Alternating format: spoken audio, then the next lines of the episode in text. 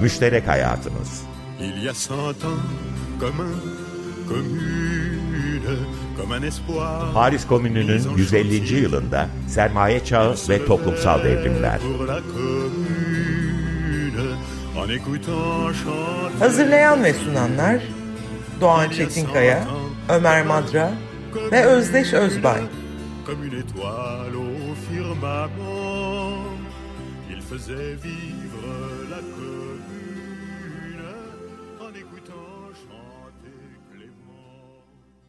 Merhaba Doğan. Merhabalar, selamlar Merhabalar. herkese. Günaydınlar. Müşterek hayatımızda neler var bakalım? Bugün biraz Paris Komünü'nün öncesini, e, hatta savaşın biraz öncesini, değişen Fransa'daki siyasi koşulları, toplumsal mücadeleler üzerine biraz e, konuşarak Paris Komünü'nün arka planını e, biraz irdelemeye çalışacağız.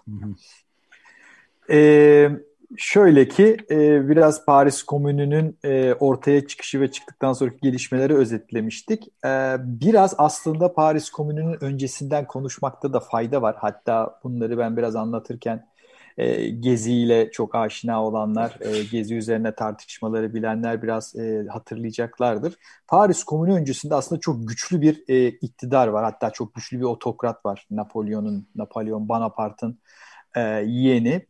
Üçüncü Bonaparte Fransa'da e, yaptığı plebisitlerle, darbelerle çok güçlü bir iktidar kuruyor. Toplumsal tabanı da var. Özellikle kırda çiftçiler, köylüler, Fransız köylüsü arasında çok ciddi bir e, iktidarı söz konusu. Bunun için hani ikinci imparatorluk dediğimiz uzun e, 1852 yani 1848 devrimlerinden sonra gelen uzunca bir dönem var ki bu dönemde daha önce de bu sermaye çağına ilişkin işte önemli dönüşümlerin, değişimlerin yaşandığı bir dönem olarak da biraz bahsetmiştik.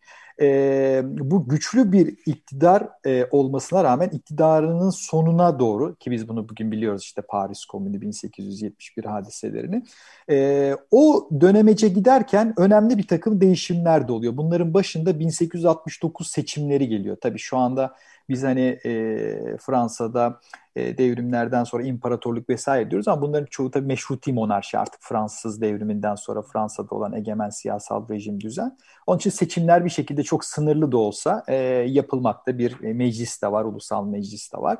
1869'da en son yapılan seçimlerden bir tanesinde ilk defa Bonapartist e, rejimin kendi adayı çoğunluğu elde edemiyor. Yani önemli bir siyasi krizle karşı karşıya kalıyor Bonaparte. Yani 4 e, milyon e, oy almasına rağmen küsür. E, onun karşısında e, 3,5 milyon oy alan e, toplamda çeşitli muhalif adaylar ortaya çıkıyor. Bunlardan bir tanesi yine Bonapartist olması rağmen daha liberal eğilimleri olan Olivier diye e, bir e, şahıs e, rejimin adayını geçiyor. Ve bunun yanında bir takım e, cumhuriyetçiler de e, meclise e, giriyorlar. E, sayıları da 30'u e, buluyor. Bu biraz e, rejimin e, hegemonyasına dair, e, egemenliğine dair bir e, kuşku yaratıyor bu seçimlerdeki rejimin aldığı. Çünkü plebisitlere ve seçimlere de dayanan bir iktidar.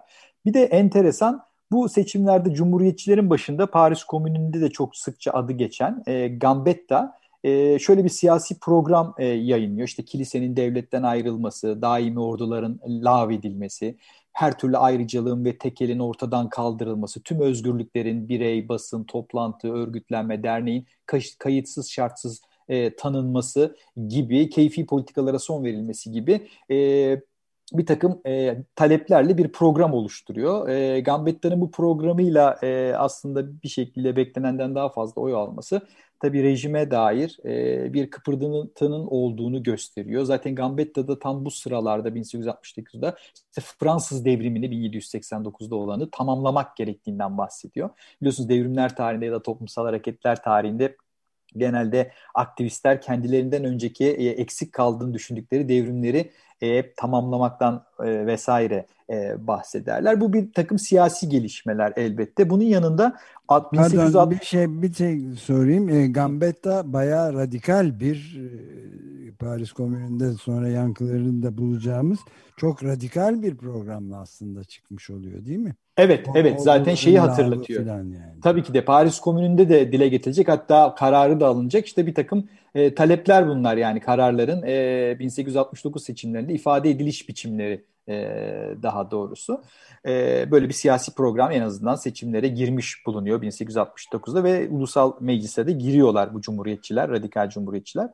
E, tabii burada cumhuriyetçilikten bahsederken cumhuriyetçiliğin e, radikal bir tutum olduğunu, e, daha çok sol tarafından sahiplenildiğinde 19. yüzyılda unutmamak gerekiyor. Yani hani e, ana akım e, burjuva siyasetçiler hala monarşistler e, o çağda, kralcılar yani. E, onu akılda tutmak gerekiyor. E, 1860'lar aynı zamanda sosyal bir takım taleplerin ve hareketlerin de e, yükselmeye başladı bir dönem. Zaten 1864'te birinci Enternasyonel'in kurulduğunu hatırlıyoruz. Enternasyonel'in 60'lar boyunca çeşitli e, toplantılar olacak e, Avrupa'nın e, farklı yerlerinde. Fakat çok ciddi grev dalgaları ortaya çıkıyor Fransa'da da. Bunların en önemlisi 1867 ve daha sonra 1869-1870. Yani tam Paris Komünü'nün ne gidilen dönemeçte Fransa'da o dönemki en önemli grev dalgaları e, ortaya çıkıyor ki 1869'da tam bu seçimlerin olduğu zaman diliminde grev hakkı da Fransa'da yasal olarak tanınmak zorunda kalınıyor. Yani aynı zamanda toplumsal e, hareketlerde, işçi sınıfı hareketlerinde de önemli bir dönüşüm var. Tam bu zamanlarda 1869'da Enternasyonel Bazel'de bir e, önemli kongre yapıyor. Buradaki e, e, alınan kararlar da aslında Paris Komünü'ne dair e, bir bize köprü oluşturabilir. Mesela emek odalarının yaygınlaştırılmasını söylerken onun yanında toprağın, madenlerin, ulaşım araçlarının özellikle banka kredilerinin kamulaştırılması e, savunuluyor. Devletin sınırlandırılması hatta kaldırılması öngörülürken burada tam e, bunu tartışırken kongrede geleceğinin komünlerinin örgütlenmesi gerektiği gündeme geliyor ve bu konuşuluyor. Hmm. Yani var olan belediye şeklinde olan hani Paris'te zaten olan komünlerin daha politik bir başka bir tanımla e, alter, devlete alternatif bir iktidar odağı olarak nasıl e, tesis edilebileceği tartışılıyor. E, savaştan bir sene önce yani 1869 e, yılında tam da grev hakkının e, yasallaştığı e, dönemeçte. E, bunlar e, e, önemli 1869'da. E, bu 1869'daki seçimden sonra bir hükümet tam anlamıyla kurulamıyor. E, hükümet karşıtı, rejim karşıtı, Bonaparte karşıtı bir e, sonuç ortaya çıktığı için en sonunda yine kendisi de aslında bir Bonapartist, monarşist olan e, liberal Olivier'e e, hükümet kurma hakkını veriyor e, imparator. E, ve e, bununla yetinmiyor. Kendisi iktidarını plebisit ve halk oylamalarıyla e, güçlendirdiği için e, Mayıs 1870'te yine bir halk oylamasına gidiyor. Güven oyu gibi bir şey bu kendisi için. Orada çok ezici bir e, çoğunlukla e, desteğini alıyor halkın. Yani 7,5 milyon oya karşı 1,5 milyon oy e, karşısında Cumhuriyetçilerin ve radikallerin. Bu ezici büyük bir zafer. Evet. Büyük bir zafer evet. Yani tam böyle hani toplumsal hareketlerle, seçimlerle acaba iktidarı sarsılıyor mu derken e, plebisitte çok net bir güven oyu alıyor. Hatta o güven oyunda Cumhuriyetçiler acaba bu seçimler, plebisitler, halk oylamaları bir göz boyama oyunu mu? Bunlardan vaz mı geçilmeli? Başka türlü mücadeleler mi yükseltilmeli gibi şeyler de e, başlıyor e, toplumsal hareket içerisinde. Tam bu plebisit yapılırken onun hemen öncesinde de Fransa'da özellikle Paris'te enternasyonel üyelerinin tümü de tutuklanma emri veriliyor. Ve çoğu hmm. tutuklanıyor. Ki daha sonra e, yaz aylarında Temmuz 1870'te artık savaşa doğru geliyoruz biliyorsunuz. E, Ağustos Eylül'de savaş olacak Alman-Fransız savaşı Paris Komünü'ne giden süreçte. E, yazın 1870'te bunların çoğuna bu tutuklanan enternasyonel ağır cezalar veriyor. Bu özellikle Paris'teki hareketi çok ciddi anlamda sekteye uğratıyor. Ciddi zarar veriyor tutuklanmaları. Bu e, şey ne Doğan peki e, tutuklamaların ve verilen cezaların gerekçesi ne, sebeple yapılıyor bu? E, düzeni bozmak gibi hep bildiğimiz. E, ya, evet.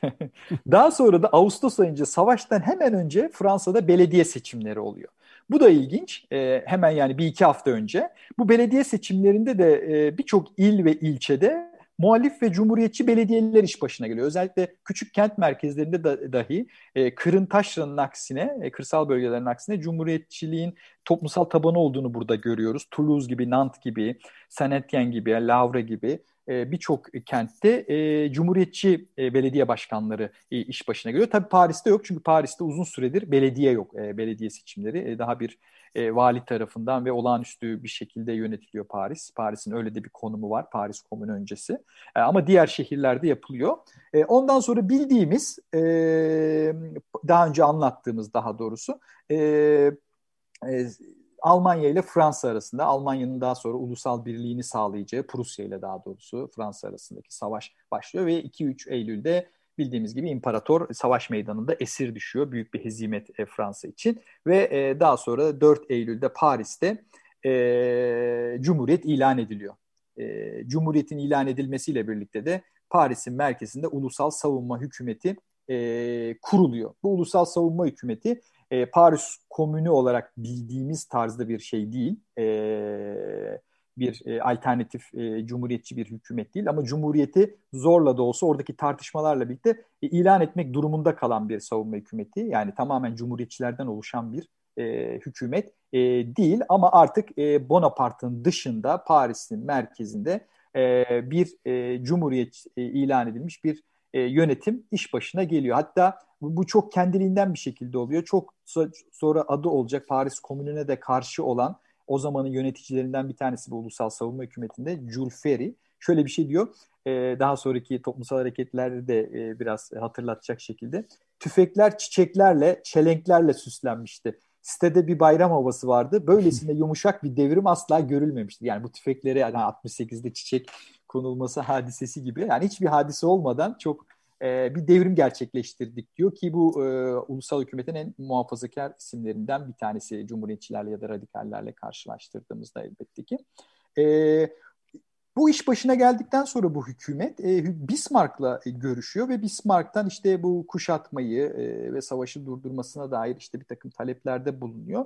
Fakat Bismarck'ın çok güzel bir cevabı oluyor. Yani çok da diretmeyin. Üçüncü Napol Napolyon'u kendi vagonuna bindirip geri gönderirim Paris'e. E, ondan sonra işler karışır gibi bir tehditvari beyanatta e, bulunuyor.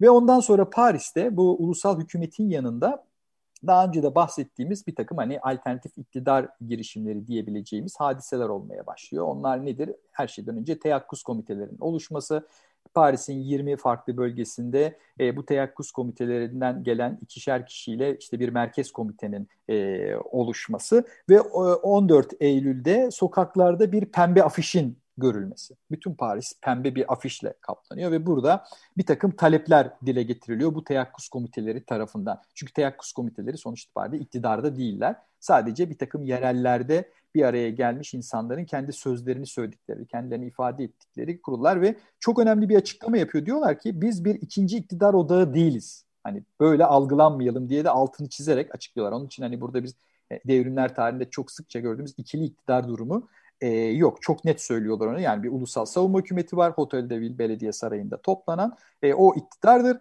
E, biz sadece taleplerimizi dile getiriyoruz. Bir pembe afiş asıyorlar bütün Paris'e. Orada diyorlar ki işte güvenliği ulusal muhafızlar sağlasın. Ulusal muhafızlar, ulusal milisler özellikle Fransız devrimiyle ortaya çıkan daha çok halkın çeşitli kesimlerinin kendilerini ifade ettikleri bir güvenlik aygıtı Paris'in e, kamusal güvenliğini sağlayan. Ondan halktan insanlar da yer alıyor. Paris e, bu savaştan sonra ve Paris komünündeki yeri çok önemli çünkü kamusal olarak maaş aldıkları için Paris'te geçim sıkıntısı çeken çok önemli bir kesim ulusal muhafızın içinde olduğu için e, kendi yaşamlarını böyle idame ettiriyorlar. Bu Paris maddi tem, maddi altyapısı var evet. oluşmuş oluyor yani evet, oluşmuş. bir nokta. Evet, zaten Paris Komünü 18 Mart'a giden süreçte bu ulusal muhafızlara ilişkin alınan kararlar da hareketin radikalleşmesinde çok önemli rol oynayacak. Burada da bu pembe afişte daha 14 Eylül'de hemen sonra Cumhuriyet'in ilanından 10 gün sonra asılan afişte işte ulusal muhafızlar güvenliği tamamen e, ele alsınlar. Ondan sonra yüksek memurlar seçimle belirlensin. Bu önemli. Paris Komünü'nde daha da radikal talepler olacak ama burada sadece deniyor ki yüksek memurlar seçimle belirlensin. Paris Komünü ise her türlü memur en yüksek işçi maaşını alabilsin diyecek e, daha sonra da seçimle belirlenmesinin ötesinde ki bence Paris Komünü'nün en geri çağırma ilkesinden sonraki en radikal kararlarından bir tanesi de bu olacak. Yani e, kamu görevlilerinin e, maaşlarının en yüksek işçi maaşından daha fazla olmaması e, ilkesi. E, bu aslında e, seçimle belirlenme adında bu pembe afişte dile getiriliyor. E, tabii açlık çok önemli. Yiyecek karnelerinde eşitlikçi bir düzenlenme yapılması isteniyor ve tüm savunma önlemlerinin de halk tarafından denetlenmesi e, isteniyor. E, bu şey teyakkuz komitelerinin asmış oldukları e, afişlerle birlikte. Burada ilk defa bu dönemde komün yeniden dile getiriliyor. E, bu Bazel Kongresi'nde bir iki sene önce e, bir sene önce yapıldığı gibi. Orada da deniyor ki yurttaşların doğrudan doğruya kendileri tarafından yönetilmesini kolaylaştıran egemen bir e, komüne geçilmesini, bu komünün de hiçbir şekilde hükümet karşıtı olmayacağı e, dile getiriliyor. Yani aslında gayet temkinli açıklamalar e, yapıldığını görüyoruz. Bundan dolayı bu açıklamalarda da bir parti muhalefetinin, siyasal muhalefetin olmadığı tek iddialarının Paris halkını cumhuriyetçi ilkelerden hatta vazgeçilemez işte belediye haklarından, e, doğal haklarından yararlanılabilir bir duruma e, getirilmek e, istendiği. Doğan bir terim konusunda bir şey sormak istiyorum. Tabii. Bu teyakkuz komiteleri bir dene, uyanık olma hali mi? Teyakkuz niye Evet teyakkuz. Çünkü en büyük talep yine yani onu söylemedim tabii. Sonuçta bir genel seferberlik çağrısı var. Şimdi Fransa yenilmiş. Hmm. Alman ordusu ilerliyor. Ee, orada bir hani teyakkuza ve seferberliğe çağrılıyor. Yani ülkenin kaderine sahip çıkma anlamında bir hmm. teyakkuz halinde olmak. Hmm. Yani boş vermişlik değil. Bunun karşısında kamusal meselelere, ulusal meseleler hakkında teyakkuzda olma çağrısı aslında hmm. bu. Yani öyle bir e, arka planı var. E, ve savaşla çok ilişkili Paris Komünü'nün e, taleplerinin ortaya çıkması ve e, hareketin radikalleşmesi. Dediğim gibi hani kendilerini bir iktidar alternatifi olarak e, koymuyorlar. Hatta daha sonra Ekim ayında e, La Cordière en önemli kulüplerden bir tanesi. Çünkü bir de bu teyakkuz teyakkuz komitelerinin yanında onlara e, dayanan her mahallede çeşitli kulüpler ortaya çıkıyor. Dernekler, çok ciddi bir hani siyasal örgütlü hayat ortaya çıkmaya başlıyor. İnsanlar örgütleniyor. Radikal gazeteler, yayın organları yayınlanmaya başlanıyor. Burada da e, komün talebi çok sıklıkla dile getiriliyor. İşte komün siyasi birlik demektir. E, ondan sonra Fransa'nın bir araya gelmesi demektir gibi. E, nihayet sonunda bir kent olabileceğiz komün sayesinde vesaire vesaire gibi argümanlarla e, komün e, savunuluyor. Fakat her aşamada yani 18 Mart'a giden her aşamada aslında savaşın seyriyle ve kuşatmanın seyriyle hareket e, radikalleşiyor. Bunun da en önemlilerinden bir tanesi 27 Ekim'de oluyor. 27 Ekim'de o zamana kadar Almanlara teslim olmamış ordunun geri kalanı Metz'te Fransız ordusunun geri kalanı 100 bin küsur asker e, teslim oluyorlar. Silahlarını bırakıyorlar. Bu çok büyük bir tepkiye yol açacak ve daha önce de sözünü ettiğim ilk programda 31 Ekim'de çok büyük bir gösteri düzenleniyor. İlk defa daha radikaller e, belediye meydanına geliyorlar gre, bilinen grev meydanına ve orada e, çok değişik komüne ilişkin talepler dile getiriyorlar. Aslında bu bir, bir çeşit radikallerin, cumhuriyetçilerin e, baş. E, çünkü sonuçta Fransız ordusu artık tamamıyla e, yenilginin sonrasında tamamıyla teslim edilmiş oluyor. İşte o teyakkuz olma durumu hani işi kendi eline alması e, Paris'in e, orada e, ilk defa e, da dile getiriliyor. E, ve şey bir güven oyu yapılması ve bir seçimlere gidilmesi artık bir kurucu meclisin e, Cumhuriyet'te ilan edildiğine göre hani ulusal savunma hükümetinden kurucu meclis seçimlerini yapılarak e, normal bir e, siyasi rejime geçilmesi talepleri e, ortaya çıkarıyor. Paris'te bunlar olurken e, Taşra'da e, daha önce hani 1870'te andığım belediye seçimlerinde Cumhuriyetçilerin iş başına geldiği e, birçok şehirde aslında Paris'ten daha radikal olaylar oluyor.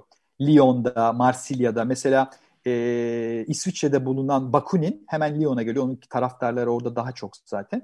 E, orada bir halk kurtuluş komitesi kuruluyor. Teyakkuz komitesinden daha ayrı olarak. Bu halk kurtuluş komitesi e, zaten cumhuriyetçi olan e, bir meclise de e, bir e, komployla darbe yapılarak yani bir e, girişimde bulunarak bir, bir komün ilan edilmesini e, istiyor. Çünkü daha önceden zaten orada da cumhuriyet ilan edilmiş. E, 28 Eylül'de e, 10 bin kişilik bir isyancı grup e, meclise, belediyeye e, müdahale ediyor ve orada valiyi, belediye başkanını ve generali tutuklayarak e, burada bir e, farklı bir işte şey komün ilan edildiğini e, söylüyor. Fakat bu e, işçi mahallelerinden gelen ulusal muhafızlarca dağıtılıyor e, bir ironi olarak. Öyle mi? Ha. Evet. E, yani halk buna bir şekilde e, sahip çıkmıyor e, bu isyana ve Lyon'daki o radikal hareket zaten Eylül'den sonra yine Marsilya'da özellikle liman işçilerinin yoğun olduğu, internasyonelin güçlü olduğu e, diğer kentlerle karşılaştırıldığında e, Eylül ayında Marsilya'da da e, bir e, mecliste e, önemli to- toplantılar e, yapılıyorlar. Hatta e, Eylül ayında e, Fransa'nın güneyinde bir e, Güney Ligi kuruluyor. Yani Cumhuriyet'in ulusal savunması için bir lig kuruluyor. İşte Marsilya, Lyon, Grenoble, Montpellier, Esquerde'de. E, buralarda bir e, Güney Ligi kurularak Cumhuriyet'in e, savunması. Fakat bu güneyde Taşra'daki kentlerde ortaya çıkan e, komün talebi olan Cumhuriyetçi e, hareket e, hızlı sönümleniyor. Paris'teki ise e, devam edecek. Yani komünün Paris'te 18 Mart'tan sonra olması aslında Paris'in bu özgül konumuyla ilişkili. İlk başta e, güney illerindeki hareket daha radikalken çabuk sönümleniyor. Zaten buralarda dediğim gibi cumhuriyetçi komünler, belediyeler iş başında. E, Paris'teki hareket ise e, devam ediyor. Fakat tabii de yine de kış aylarında e, hayatın da zorluklarıyla beraber çok ciddi de bir soğuk yaşanıyor Paris'te o dönemde. E, geri çekiliyor hareket ve bu geri çekilişin e, karşı Blankistler e, 5-6 Ocak'ta e, 1871'e geçtik artık. E, Paris'i bir bu sefer kızıl afişle donatıyorlar. Bunu daha önce de bahsettiğim bu Kordiyer Komitesi e, e, kulüpler kurulmuş diye öyle bir e, Jacoben gelenekle de bağı olan biraz e, bir komite var. O e, bu astığı kızıl afişle işte meydan artık halkındır. Yani yapacak bir şey yok. Meydan komünündür e, teyakkuz komitelerinden geriye kalan unsurlarla e, bir karşı hükümet çağrısı yapılıyor ilk defa bu sefer. Hani daha önce deniyordu ya biz farklı bir iktidar değiliz diye. Bu sefer ilk defa bir karşı hükümet çağrısı yapılıyor. Fakat Parisliler bu çağrıya da çok itibar etmiyorlar. Sönük kalıyor. E, sönük kalıyor. Olaylar ne zaman e, tekrar alevleniyor? Tekrar yine savaşla ilgili bir şey. E, ilk defa ulusal muhafızlar 22 e, Ocağa gidilirken 19 Ocak'ta e, Alman kuşatmasını yarmak için bir e, harekat başlatıyorlar. Yani cepheye doğru batı yönünden yarmak için kuşatmayı askeri harekat başlatıyorlar. E, fakat çok net bir şekilde e, Buzavalla'da e, yeniliyorlar. Bu yenilgi e, çok büyük karamsarlığa yol açtığı için e, geleceğe dair e, büyük bir e, yürüyüş tertipleniyor. Hatta daha önce de adını andığımız Louis Michel'in de aralarında bulunduğu hatta başını çektiği bir kalabalık belediye e, sarayına yürüyor ve burada ilk defa karşılıklı ateşler açılıyor, çatışma oluyor, silahlı çatışma oluyor. Böylece ikinci kez aslında 22 Ocak'ta e, şey olmuş oluyor, e, bir ayaklanma olmuş oluyor 18 Mart öncesinde fakat bu ayaklanmada e, bastırılıyor. Peki ne oluyor da iki ayaklanma olmasına rağmen ve 1871'deki bu artık karşı alternatif bir hükümet çağrılarına e, cevaz verilmemesine rağmen 18 Mart'ta Paris Komünü nasıl bu kadar kısa sürede gidiliyor? Şimdi burada iki tane önemli uğrak var. Bunlardan bir tanesi Şubat'ın başında bir e, ulusal meclis seçimleri yapılıyor ve bu seçimlerden e, 1869'daki gibi bir tablo ortaya çıkıyor. Yani bütün bu yaşananlara rağmen Cumhuriyetçilerin azınlıkta olduğu e, kralcıların çoğunlukta olduğu taşradaki oylar sebebiyle, kırsaldan gelen olay se- sebebiyle e, daha e, sağcı, e, daha monarşist bir e, meclis kompozisyonu e, ortaya e, çıkıyor. Ve bu meclis Şubat ayında ve Mart başında çok e, e, Paris'i rahatsız edecek kararlar alıyor. Onların başında bir tanesi ulusal muhafız içinde 30 kuruşluk e, bakiye alacakları olanlara bu paranın sadece yoksulluğunu kanıtlayacak olanlara ödeneceği ilan ediliyor. Bu Paris yoksul halkının yaşamsal geçim kaynağını elinden almak demek aslında. Yine evet, bunun arkasından tam da... Tam devrimci bir ortam doğuyor yani. E, aynen. Ve ondan sonra Paris Komünü'nde alacak kararlardan önemli bir tanesini hemen göreceğiz. 7 Mart'ta da Ulusal Meclis şöyle bir karar alıyor. Kira ve ticari senetlerin, borçların tahsisatı ve vadelerin konusunda iki önlem alıyor. Yani bunları ödeyeceksiniz diyor kiralarınızı ve ticari senetleri. Bu çok ciddi bir şekilde e, Paris'in en azından yarısını sokağa atmak demek kira ödemelerini istemek. Bu tabii ki de e, önemli ama bunun yanında da işsiz zanaatkarların, dükla, dükkan işletmecilerin, müşterisiz kalmış ticaret erbabının da elinde avucunda nakit tükendiği için bu ticari senetlerin istenmesi geniş bir kesimde sadece işçi kesiminde zanaatkarlarda değil küçük burjuvazi olarak diyeceğimiz esnaf kesiminde de orta sınıfta da çok ciddi bir e, hoşnutsuzluk e, yaratıyor. Yine 10 Mart'ta işte Paris'ten e, Versay'a Versay'a gitmesi meclisin ve başkent ünvanının Paris'ten Versay'a verilmesi. Bunlar aslında Paris'e karşı e, provokasyon e, kabilinden e, hareketler. Bunun için ulusal Muhafız Federasyonu kurucularından bir tanesi var Mimar Arnold da. 10 Mart'ta şöyle bir açıklama yapıyor. Diyor ki e, Paris halkının uyanması için mi herhalde diyor o zaman bir gazetede yayınlanıyor bu mülakatta son umutlarında tükenmesi gerekiyordu. Yani güvenmeye böylesine bir saflıkla hazır bu halkın diyor kendi onurunu ve özgürlüğünü korumak adına kendisinden başka güvenebileceği hiç kimsesi kalmadığını nihayet anlaması için her şeyin ortasında bu utanç verici ve ucube barışın olması gerekliydi. Çünkü tam da bu ortamda e, artık Prusya ile Almanya ile Fransa bir barış anlaşması e, imzalıyor. Bu da çok bir e, aşağılayıcı bir e, barış anlaşması evet, şartları Paris'e göre. İstersen burada e, bitiremeliyiz çünkü sürenin de tam sonuna Aynen. Geldi. Ben de zaten sonuna geldim. E, işte bu noktadan sonra zaten e, 18 Mart'a giden süreçte işte bu ünlü topların e, Paris'ten alınması için Thiers girişimde bulunacak ve ondan sonra bu ortamda e, Paris Komünü olarak bildiğimiz hadiseler radikalleşerek devam etmeye evet, başlayacak. Çok ilginç bir yol. Çok teşekkür ederiz Doğan. Gayet Rica ederim. Esaslı bir özet e, olarak heyecanlı bir macerayı özet olarak geçti. Eyvallah. İki hafta sonra görüşmek üzere. Görüşmek üzere. üzere.